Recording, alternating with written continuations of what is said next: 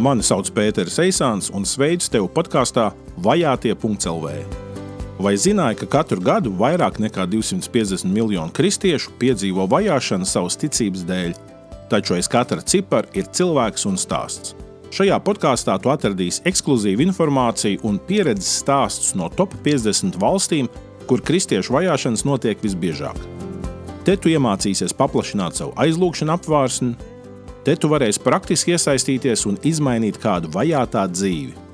Tas viss vienreiz mēnesī, lietišķā formātā, bez drāmas un depresijas. Pievienojies!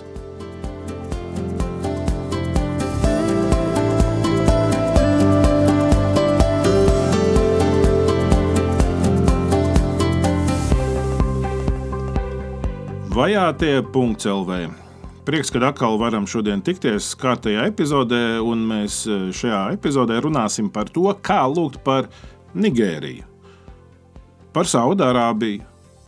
Par šīm divām noteikti nav pārsteigums, bet nākamā ir Maldīvija.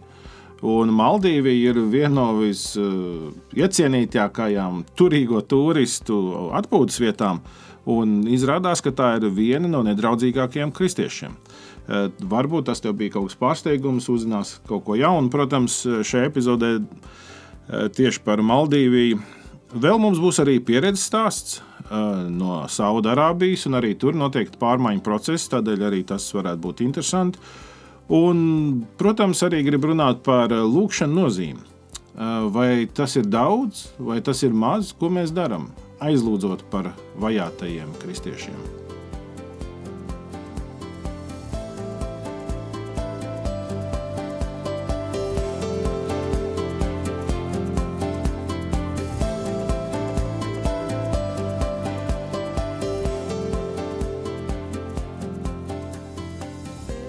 10. martā biedrība Baltijas globālā iniciatīva kopā ar jaunatni ar misiju rīkoja pirmo starpkontinentālo lūkšanas sapulci par vajātajiem kristiešiem pasaulē. Tā notika Zoom platformā. Klātienē nē, bet eh, Zoomā. Un lūkšanas sapulcē īpaši koncentrējāmies uz divām valstīm, par kurām esam eh, aicināti arī lūgt šajā mēnesī eh, - par Indiju un Saudārābiju. Cilvēki reizēm man saka, mēs gribētu darīt kaut ko vairāk, lūkšana, tas jau ir tik maz. Es saku, nē, lūkšana nav maz. 2015. gada decembrī Čehs Petrs Jašeks devās uz Sudānu. Viņš strādāja vienā kristīgā organizācijā, un viens no darba pienākumiem bija viņam ik pa laikam doties uz Ziemeļāfrikas valstīm, apzināt vietējās kristiešu kopienas un dokumentēt diskrimināciju un vajāšanas, ko viņi piedzīvo. Un tā nu viņš bija Sudānā. Un dodoties eh, mājap, viņš eh, tika arestēts un apsūdzēts spiegošanā un notiesāts uz 24 gadiem Sudānas cietumā. Pārblīvētajā cietuma kamerā bija arī ISIS, musulmaņu teroristi. Viens no tiem bija Lībijā, piedalījās uzbrukumā Eģiptes koptu kristiešiem, nogriežot viņiem galvu. Tie viņu pazemoja un darīja viņam pāri, Un e, viņam likās, ka arī viņš nemaz psiholoģiski neizturēs to visu, taču notika pavērsiens. Kaut viņam bija atņemts madrats un viņam bija jāguļ uz grīdas, viņš pulksten 9. vakarā, 21. devās pie miera, lai pirms musulmaņu agrās rīta lūkšanas pieceltos par visiem agrāk un vienatnē varētu tad klusi pielūgt Kristu. Viņš brīnījās par mieru, kas viņa sirdī ieplūda vakarā. Izrādās tas notika katru vakaru. Viņš apgulās un mierīgi aizmiga un nogulēja līdz rītam. Tikai pēc vairākiem mēnešiem, kad viņam nu jau bija iespējams sazināties ar saviem tuviniekiem, un, un diplomātiskais korpus par to bija parūpējies, eh, Tad, kad eh, viņa sieva uzzināja, ka viņš ir pazudis Sudānā un nav atgriezies mājā, un draugs to uzzināja, tad viņi sāka vakaros rīkot organizētu aizlūgšanu par viņu. Un, eh, Draudz instalēja aplikāciju, kas viņiem atgādināja katru vakaru, pulksten astoņos, vienu stundu līdz pulksten deviņiem lūgt par Petru. Nezemot nemaz detaļas par viņa apstākļiem, par notikumiem, viņi sauca uz Dievu, kurš katru zina vārdā saukt un bez dieva ziņas nemaz nekrīt no galvas. Kaut kas šai visā stāstā nav kārtībā ar tiem laikiem. Pēters likās gulēt pulksten 21, bet draudzene lūdza Dievu 20. Un izrādās, ka papēta, ka starp Čehijas un Sudānas laika joslu starpība ir tieši viena stunda. Draudzene lūdza tieši tajā mirklī, kad Pēters apgūlās nakts mieram, un Dievs dāvāja viņam mieru, un viņš varēja gulēt. Vēlāk, kad jau pēc kāda laika posma iejaucās Čehijas valdība, un tur bija uh, ilgstošs process, un ka viņš tika brīvībā, viņš, viņš intervijā teica, bez draudzes aizlūgšanām es nebūtu izturējis. Tāpēc neteiksim nekad, tā ir tikai lūkšana. Kaut reizēm tas ir vienīgais atbalsts, tomēr tas ir stiprākais atbalsts. Tāpēc iesaisties un lūdz, un ieplāno un pievienojies lūgšanām arī par vajātajiem kristiešiem 14. aprīlī Zoom formātā, kad būs nākamā eh, lūkšanas sapulce par vajātajiem šajā platformā. Vairāk informāciju atradīsi Baltijas globālās iniciatīvas Facebook lapā, eh, seko informācijai un pievienojies. Kā jau teicu, biedrība Baltijas globālā iniciatīva kopā ar jaunatni ar misiju eh, trešdien, 10. martā, rīkoja pirmo starpkonfesionālo lūkšanu sapulci par vajātiem kristiešiem pasaulē eh, Zoom platformā. Un eh, šajā brīdī es gribētu aicināt jūs ieklausīties tieši šajā lūkšanas sapulcē izskanējušajā pieredzes stāstā. Liena pieslēdzās mums no Saudārābijas, un uh, Viņa arī pastāstīja par eh, to, par ko vajadzētu lūgt attiecībā uz Saudārābiju, kādas akcentus un arī tieši kaut ko no savas pieredzes. Tādēļ eh, šis ir saskaņots ar eh, Lienu, ka tas ir ierakstīts un arī, ka to var likt podkāstā. Tādēļ arī šo daļu jums pieejamu un uzmanību audio ierakstam tieši to. Dzirdēsim, ko Liena stāstīja tiem, kas bija sapulcījušies šajā lūkšanā, sapulcē Zūmā. Tā, Vai jūs mani dzirdat? Ja? ir dzirdamība sveiki. Es esmu priecīga, ka man izdevās pieslēgties pa vidu mm, divu bērnu aizmigšanas mēģinājumiem. Un sūtu jums pavisam siltus sveicienus no Rijādas. Mums iet karsti, mums ir jau 32 grādi. Un kaut gan vietējie saka, ka vēl ir augsts. Bet es esmu šeit gandrīz divus mēnešus. Un, nu, neesmu tāds profesionāls, uh, profesionāls lietpratējs par to, kāda ir kristiešu dzīve šeit, bet nu, kaut ko esmu jau novērojusi, kaut ko esmu pamanījusi un lasījusi, ar kaut ko esmu saskārusies, un to es jums varu pastāstīt. Tātad uh, Saudārābija ir musulmaņu vissvētākā vieta. Katra musulmaņa um, tāds dzīves uzdevums ir nokļūt Saudārābijas pilsētā Mekka, kurš, eh, kura vieta varbūt jums asociējas ar tādu melnu kubu, ap kuru riņķo neskaitām tūkstoši cilvēki. Un, protams, Covid dēļ tas ir nedaudz ierobežots, bet eh, tik un tā tas vēl joprojām notiek. Un, un tad, kad es dzīvoju Jordānijā, tad es redzēju to, ka cilvēki to tiešām uzstādīja sev kā tādu dzīves sapni, nokļūt Saudārābijā un riņķot ap šo melno kābas akmeni. Un tas, kurš atgriezījās, atgriezās Jordānijā no Saudārābijas, tas māju no ārpuses izdekorēja ar īpašiem karogiem, plakātiem, palmu zariem. Tas, lūk, tas ir cienījams un tāds tā kā svēts cilvēks, jo viņš ir bijis Mekā. Tā kā šī ir viss musulmaniskākā valsts reģionā, nu tā vismaz viņi uh, to saka, bet ar ļoti lielu tendenci uz pārmaiņām. Tad, kad pirmo reizi es padzirdēju, ka man šeit būs jābrauc dzīvot, te būs vīram darbs, un te nu būs jādzīvo, es nu, gandrīz nosirmoju uz līdzenas vietas. Bet vairāk lasot un mēģinot atrast kādus cilvēkus, kas šeit jau dzīvo, izrādās, ka Saudārābija piedzīvo kaut kādas izmaiņas. Ja pirms pieciem gadiem visām sievietēm bija obligāti jāvelk melnais garais tērps un jāapsedz arī galva ar melnu šalli, tad nu jau šodien es drīkstu staigāt ar, ar brīvu galvu, nu, ar ne, neatsektu galvu un dažādas krāsas, eh, nu, šo te latviešu valodā paltraku, halātu, garo blūzi, sauciet to, kā gribat.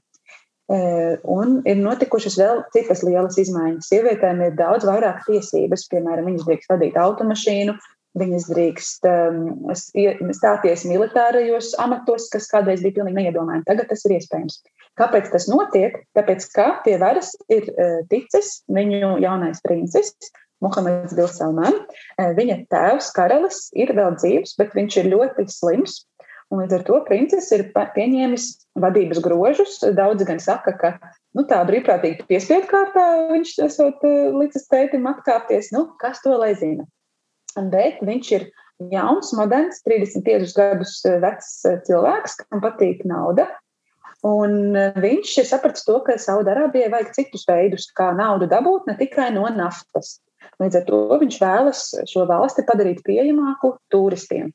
Un tad, nu, tāpēc viņš ievieš dažādus tādus atvieglinājumus eh, sievietēm un arī pāriem un dažādās situācijās. Un līdz ar to arī tas jautājums par kristiešiem maz drusciņi, maz drusciņi vismaz tiek aizskarts. Tā vispār, jebkura cita reliģija Saudārābijā ir aizliegta. Nav vispār variants par to, ka oh, mēs varētu uzbūvēt budistu templi vai kristiešu baznīcu. Tas vienkārši nav atļauts. Ir arī aizliegts, piemēram, nesāt krustiņu uz kakla. Tev ir aizliegts kādam nu, tā, stāstīt, mēģināt kādu padarīt par kristieti. Tas ir pēc likuma aizliegts, un nu, gluži nāves sodu šobrīd par to neizpildītu, bet nu, tā runā, ka par to uzreiz izsūta ārā no valsts. Jo nu, pārsvarā kristieši ir iebraucēji, tie ir viestrādnieki, kur arī sastāda to nu, nelielo, bet tomēr ievērojamo kristiešu um, tādu skaitu, kas šeit ir kopumā Saudārābijā 37,000 cilvēku. Un, nu, dažādos informācijas avotos ir 1,4 līdz 1,8 miljonu kristiešu šeit esot. Nu, tā tad vismaz pusotras miljonus kristiešu. Nezinu, cik no tiem ir tādi patiesi ticīgie un atgriezušie ļaudis, bet nu, tā tad ne musulmaņi.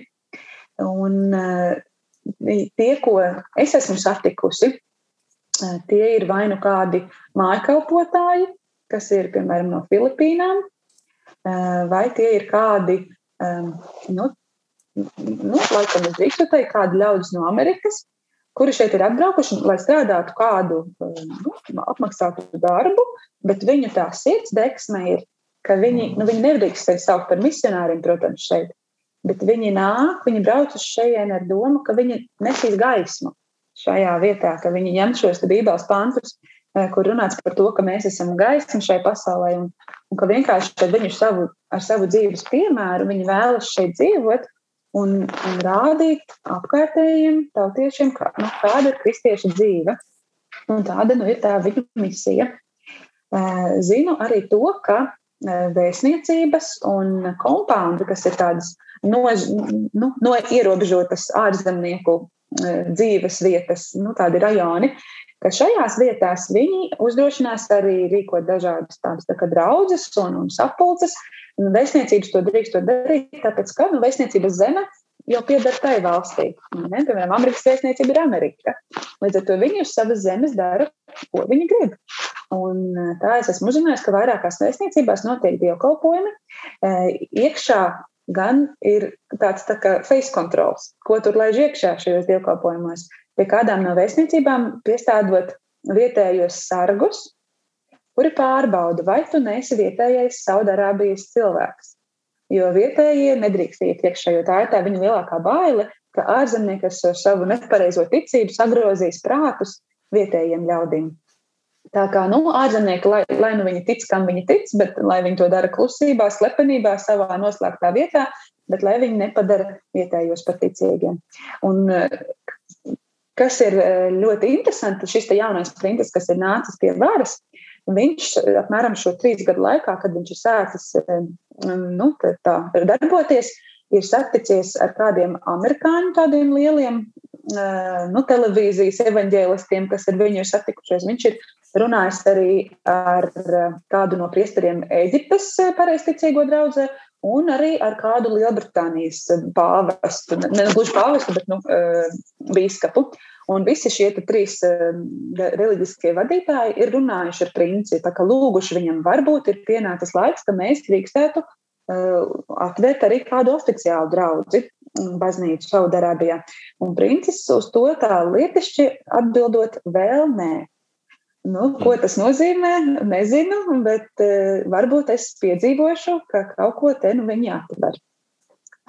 Nu, tā, tas ir tādā pavisam lielā vispārējā skrējienā. Vai man tagad jārunā par lūkšanu vajadzībām? Tā tas ir jāparedzēt. Nu, pasak, jā, nu tu jau ieskicēji jau bišķīt. Mm -hmm. Jā, jā, jā. Nu, tas, kas man sirdī ir pirmkārt, lai, lai tiešām principi mīksta sirds, ja reiz viņš ir gatavs uz tik daudzām lielām pārmaiņām, lai viņš piekrīt, ka varbūt nu, arī kādu draugu oficiāli var sākt veidot, tas būtu viens. Numur divi, lūksim par tiem esošajiem kristiešiem, kas šeit ir, tie nu, pusotras vai nu, kāds tas miljons ir, lai viņi tiešām var būt gaisma tur, kur viņi ir, lai šie mākslinieki, lai viņi var būt gaisma saviem darba devējiem, lai šie arī nu, tādi cilvēki, kas savā sirdī šeit ir kā misionāri, lai viņiem izdodas tā viņu iecerētā misija. Un lūksim par par vietējiem ļaudīm, jo man ir nu, bijusi tāda neliela iespēja paskatīties, kā dzīvo vietējie Saudijas ļaudis. Divās mājās esmu divās ģimenēs pabijusi, un tas, ko es nu, no viņiem dzirdu, un no apkārtējiem runātājiem, viņi, viņi tiecas pēc naudas, pēc ietekmes, pēc varas, pēc vairāk, pēc greznāk, pēc poža, vērienīga un tā tālāk nu, protams, lielākai aizraujoši, vai ne?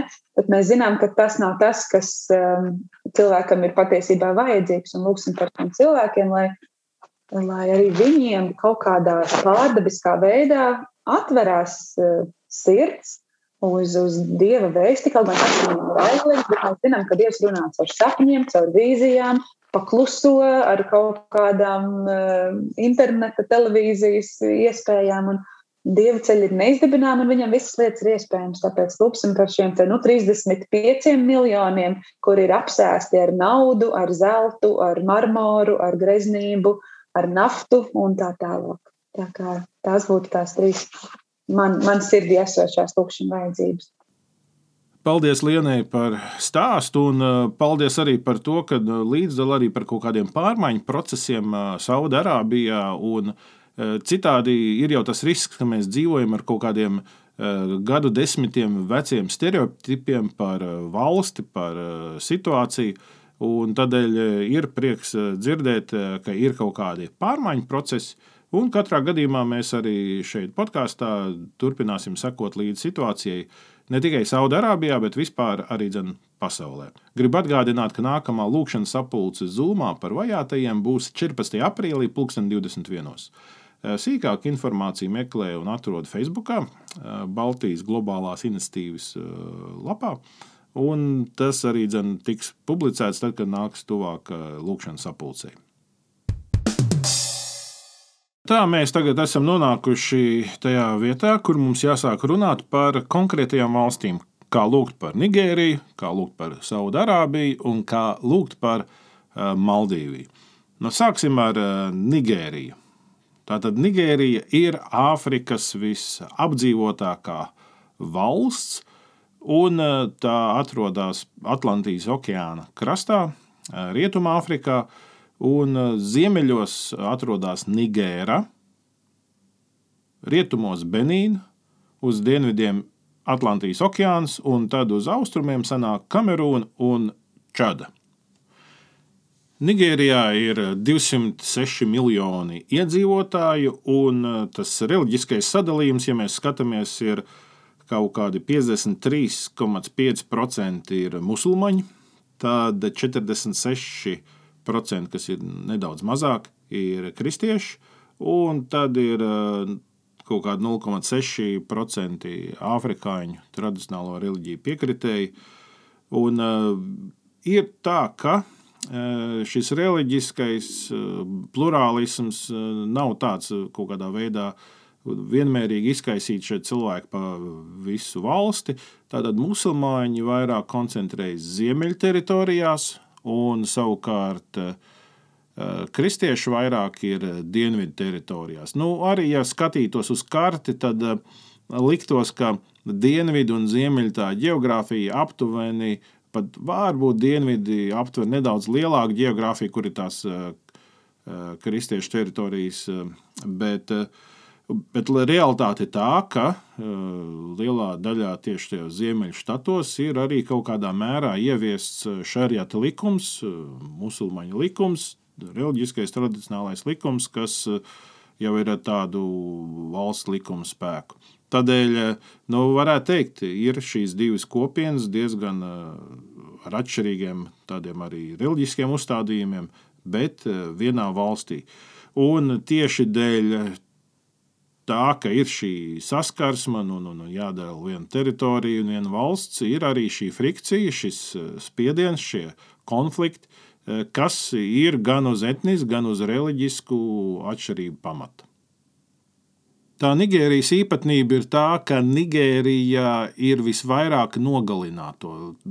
Ja mēs runājam par kristiešu vajāšanām, tad citās vietās ir kaut kādi e, juridiski grūtumi, varbūt pat finansiāli, varbūt e, ir arī pat e, vardarbība tāda kā uzbrukuma, piekaušana vai dievnam nodedzināšana, bet Nigērija ir līderi tieši cilvēku nogalināšanā. Un, nu, jāsaka, tur ir arī eh, ne tikai kaut kāda sadzīves konflikta, bet tieši organizētas grupas, eh, kas to dara. Eh, viens no tiem pazīstamākajiem grupējumiem ir Boko Haram, kas tulkojumā nozīmē rietumu izglītība, ir nu, ļauna. Haram, šis haram jēdziens islamā apzīmē to, kas ir aizliegts, to, kas ir grēks un to, no kā jāvairās. Ja? Un tad šī rietuma izglītība ir haram, ir kaut kas tāds, no kā kārtīgam musulmanim jāturās par gabalu. Un tādēļ arī viens no tādiem viņu uzbrukuma mērķiem ir vienmēr skolas. Var jau būt, ka jūs atceraties arī, ka 2014. gadā Čibukas provincē 276 meitenītes tika nolaupītas skolā un aizvestas uh, nezināmā virzienā. Daudz no viņām tika izprecināts tiem musulmaņu grupējumu karavīriem, kā sievas un Un arī tad, nu, tas bija tāds liels uztraukums. Pat Twitterī bija nu, tas hashtag Bring Back Our Girls, un Obama prezidenta Obama sieva pat bija nofočējusies ar šo uh, hashtag un, un, un tādu bēdīgu seju un, un, un bring back our girls, ja, atdodiet mums mūsu meitenes. Uh, tas bija tāds nu, visu pasauli aptverošs notikums, bet tāpat laikā tur notiek katru nedēļu ir notikumi. Piemēram, ja pastāstās, uh, tas pat nav pēdējā laikā, bet kaut kādu uh, sešu gadu posmu uh, pirms pāris gadiem, uh, tad tur tiek lēsts, ka kaut kādi 37 tūkstoši cilvēki ir nogalināti tajos ziemeļu štatos. Tas ir tas, ko izdarīja Boko Haram. Vēl viens ir, ko jūs dzirdat, jūs dzirdat tādu vārdu kā fulāni. Fulāni ir milzīga, liela tāda cilts, kas ir šie cilvēki, viņi ir vairāk nekā tikai vienā Āfrikas valstī, viņi ir nomadi. Uh, un uh, viņi klejo. Un viņiem iznāk, tas nav tikai eh, reliģisks kaut kāds konflikts, bet arī ir. Piemēram, uh, diezgan tipiski ir, nu, ka tie, kam uzbrūk, ir kristieši, bet viņi ir zemnieki arī. Ja, un šie lopkopi, nomadi, viņiem vajag zemi, viņiem vajag teritoriju, kur ganīt lopus, lai varētu izdzīvot. Nu, tad viņi šo teritoriju paņem ar spēku, ar Kalašņikovu Un, eh, bet arī tur ir eh, ļoti daudz no šī tieši reliģiskā komponenta. Tādēļ, ka jūs lasīsiet ziņas, un jūs dzirdat par fulāniju, un atkal fulāniju kaut kur kādu uh, konfliktu ir risinājuši ar uh, šaujamieročiem, nu, tad jūs zināsiet, uh, nu, kas tas ir. Nu, tas ir uh, arī dzen, šeit, Nigērijā, ziemeļos ļoti lielā mērā viens no tiem kristiešu nelaimi uh, cēloņiem. Eh, pirms tagad ķeros klāt tieši konkrētām četrām aizlūgšanu vajadzībām par Nigēriju, gribu vēl atgādināt, ka pirms eh, pāris mēnešiem BGI misio YouTube kanālā BGI misio eh, man bija saruna ar Karinu Liepiņu par grāmatu Dāvanis Tumsas. Un tā ir tieši par vienu Nigērijas kristieti, sievieti, kura piedzīvoja vardarbību ļoti konkrēti savā ģimenē, savā dzīvē, un ne tikai par vardarbību, bet arī par to, kā viņi piedzīvoja dziedināšanu un tādu Kristus uzvaru tajā visā. To jūs arī, ja interesē, varat apstīties kanālā BGI misiju. Bet nu, četras konkrētas vajadzības, kā mēs varam lūgt. Pirmkārt, ticības dēļ Nigērijā ir nogalināti vairāk kristiešu nekā jebkurā citā valstī pasaulē. Tādas ekstrēmijas grupas kā Boko Haram, Hausa, Fulānī musulmaņu militārie kareivi, Islāma valsts un citi grupējumi darbojas Nigērijas ziemeļos. Lūksim par mūsu brāļiem un māsām, kuri piedzīvo uzbrukumus savai dzīvībai. Otrais - lūksim par tiem kristiešiem, kuri ir pārvietoti, kuri zaudējuši savus tuvākos, kā arī īpašumus, un kas cieš no fiziskām un psiholoģiskām traumām. Treškārt, lūgsim par nolaupītajiem kristiešiem, lai viņi piedzīvo dievu klātbūtni un lai arī viņi varētu tikt atbrīvoti. Un lūksim arī par politisko situāciju, tas ir ceturtais punkts, par prezidentu, par valdību, lai viņi pieņem būtiskus lēmumus, kas pasargā visus valsts pilsoņus. Prezidents ir musulmanis, un daudzi arī viņa kabineta locekļi ir musulmaņi. Eh, un lūgsim, lai viņi ir taisnīgi pret eh, visiem, arī kristiešiem, eh, ne tikai savējiem.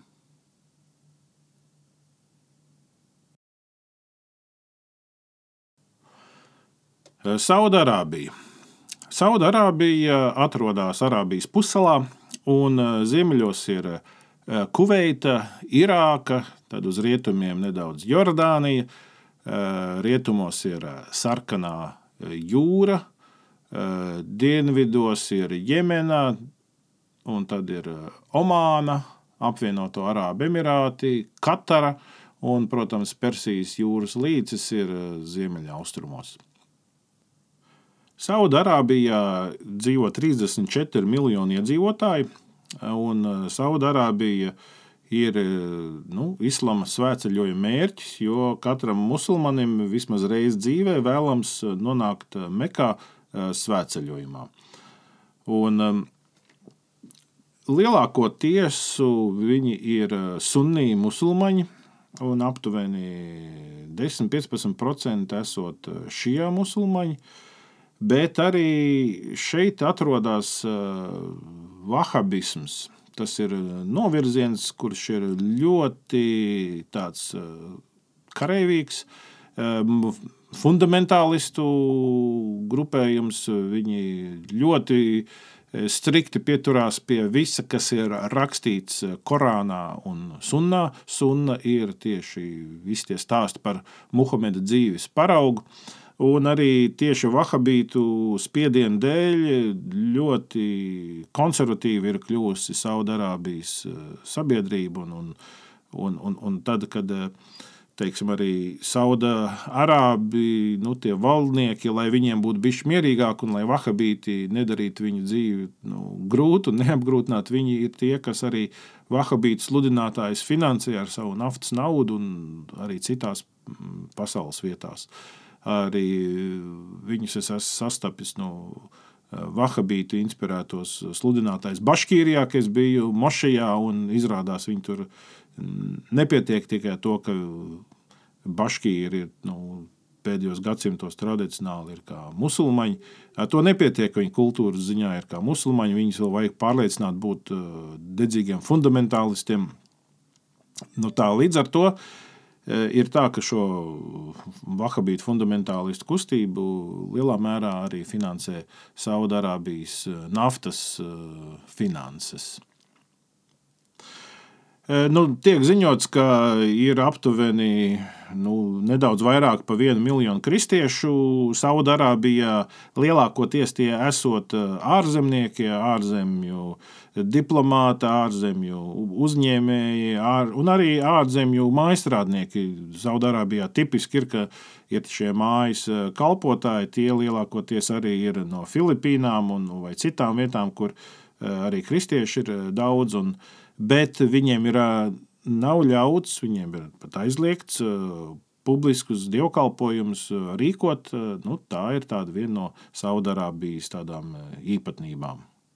Nu jā, mums jau grūti iedomāties to situāciju, kā tas ir, ka sievietēm nemaz nebija atļauts braukt un iegūt autovadītāju apliecību un daudzas citas lietas, un, un, un arī, ka bija jāsteigā tajos melnajos tērpos, bet tagad ir arī atļauta kaut kāda neliela daudzveidība tajā. Un arī, nu, kā jau dzirdējāt, Liena teica, ka notiek kaut kādas arī pārmaiņas sabiedrībā. Tādēļ ir vērts nu, ne tikai piefiksēt kaut kādu uzskatu ja, par Saudārābiju, bet laika gaitā arī to modificēt. Bet nu, kopumā ir tā vieta, kas ir grūta kristiešiem, un tāpēc arī par to lūksim. Četri punkti, kā varētu aizlūgt par eh, vajātiem kristiešiem Saudārābijā. Eh, pirmais, eh, lielākā daļa kristiešu Saudārābijā ir ārzemnieki, kristieši, kas jau ilgu laiku ir kristieši, vai arī bijušie musulmaņi. Un tādēļ lūksim par viņu aizsardzību. Otrkārt, lūksim, lai Dievs turpinātu lietot internetu un lai stiprinātu un vienotu kristiešus un lai draugi Saudārābijā varētu augt pat tajos ierobežotajos apstākļos. Treškārt, lūksim, lai Dievs pats sevi sapņos atklāja gan kristiešiem, gan nekristiešiem, un lai aicina pie sevis. Ceturtkārt, draugi Saudārābijā pamazām pieaug.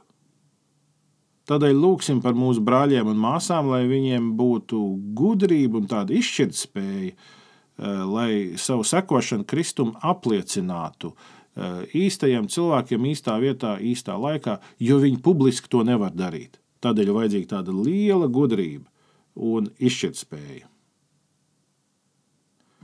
Jā, un vēl viena lieta, es gribētu par šīm lūkšanām pateikt. Eh, taču aprīlī būs Ramadāna mēnesis, un aprīlī visi dosies uz Saudārābiju. Nu, daudzi Tagad gan Covid dēļ ir ierobežots tā plūsma, eh, bet būs tie, kas dodas uz to svēto akmeni, kābu, eh, lai tur viņi meklētu dievu tuvumu. Arī viens veids, kā es pats lūkšu, ir, lai tad, kad viņi dodas šajā svētceļojumā, meklēt dievu tuvumu, Jēzus viņus uzrunā sapnī. Tas ir fakts un tā ir realitāte, ka uh, musulmaņi ļoti bieži piedzīvo tieši, ka Jēzus uzrunā viņus sapnī. Un uh, aprīlī es lūkšu par to, lai tad, kad tie, kas dodas šajā svētceļojumā, lai viņi piedzīvo, ka Jēzus viņus pārsteidz, Jēzus atklājās viņiem kā ceļš, patiesība un dzīvība. Un pat tur esot pie šī elku akmens, ka viņi var piedzīvot patiesību un sākt sekot Jēzum. Uh, tā būs mana lūkšana. Īpaši aprīlī es uz to koncentrēšos. Marta mēnesi mēs noslēgsim un aprīli mēs iesāksim lūdzot par Maldīviju, ja Maldīvu salām. Un šī ir ļoti interesanta vieta. Es pats, kas sāku šo jautājumu pētīt par vajātajiem kristiešiem, mani tas pārsteidz, ka tik skaista vieta, tā, kur gandrīz vienmēr ja ir kaut kādas bildes no eksotiskajām salām, tad starp tām vienmēr kaut kur jābūt kādai bildei no Maldīvijas.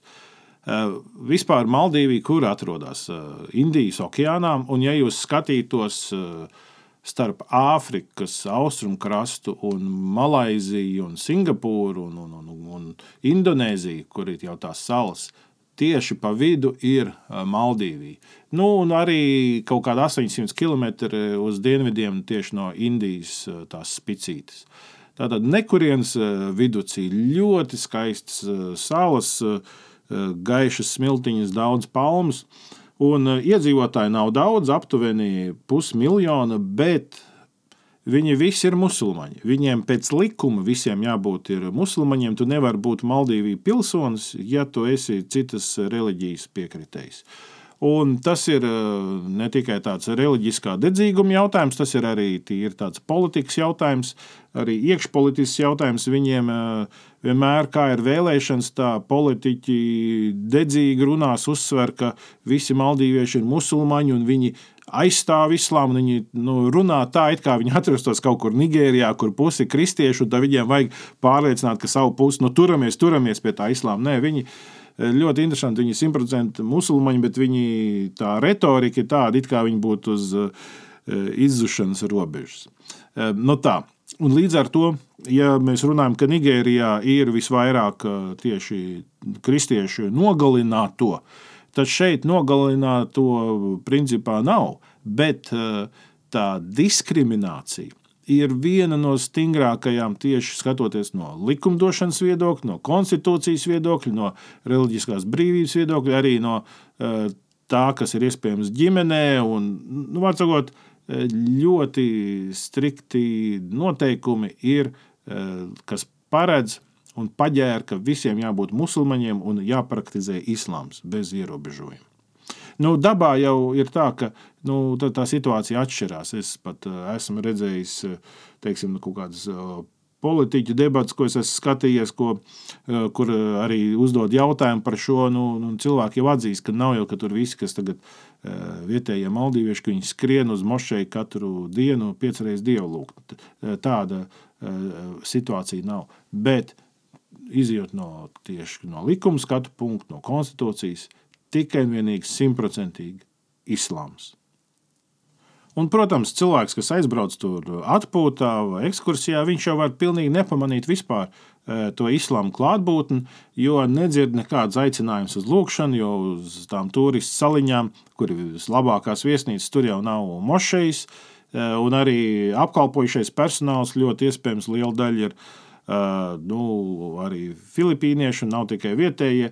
Un, līdz ar to nejūt kaut kādu to atšķirību, ja, vai tādu stipru islāma klātbūtni. Protams, jā, ja cilvēks grib pirkt kaut kādu nezinu, alkoholisku dzērienu vai kaut ko tādu, tas būs pamanāms. Nu, kad viņi varbūt nav tik daudz, un, un arī, protams, cena attiecīgi. Ja. Bet, Bet katrā gadījumā Maldīvija ir skaista zeme, bet arī tāda, kur kristiešiem grūti vispār atrasties, būt, eksistēt un jebkādā veidā praktizēt savu ticību. Nu, kādi varētu būt tie četri punkti, pa kuriem lūgt? Nu, pirmais ir tas, ka kristiešu vajāšanas notiek prom no starptautisko turistu acīm lūksim par eh, iespējām kristiešiem satikties drošībā. Kādēļ vietējās musulmaņu kopienas ir tik cieši saistītas, tādēļ viņi ātri var pamanīt jebkuru novirzi no islāma normām. Eh, cilvēki šajā valstī maz viens otru pazīst, tiklīdz kāds atkāpjas, visi zina. Tas tā pirmā lieta. Otra, lūksim, lai svētie raksti spēcīgi stiprinātu, iedrošinātu un bagātinātu mūsu brāļu māsu dzīves tur lai Dieva vārds tiešām viņus uzrunā. Trešais. Lūksim, lai valdības un ierēģi attieksme mīkstinātos pret kristiešiem un citām reliģiskajām minoritātēm.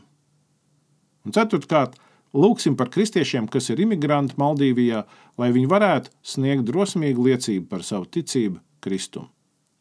Arī tajos apstākļos, kur viņi ir. Paldies, ka noklausījāties šo podkāstu līdz galam. Eh, katrā gadījumā šis podkāsts nav kaut kādā veidā eh, mans pašmērķis. Man ir eh, prieks mobilizēt un pulcināt cilvēkus uz lūgšanu atbalstu vajātajiem, jo arī mana dzīve un personīgā pieredze liecina to, cik lūgšana ir nozīmīga.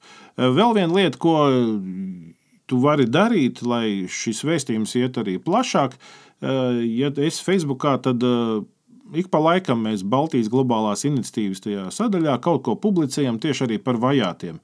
Eh, un algoritms ir tāds, ka patiesībā viņi pat, eh, nu, Facebook ir interesēts informāciju un neļaut viņai organiski iet tālāk. Eh, viņi mēģina spiest, lai par katru postu maksātu.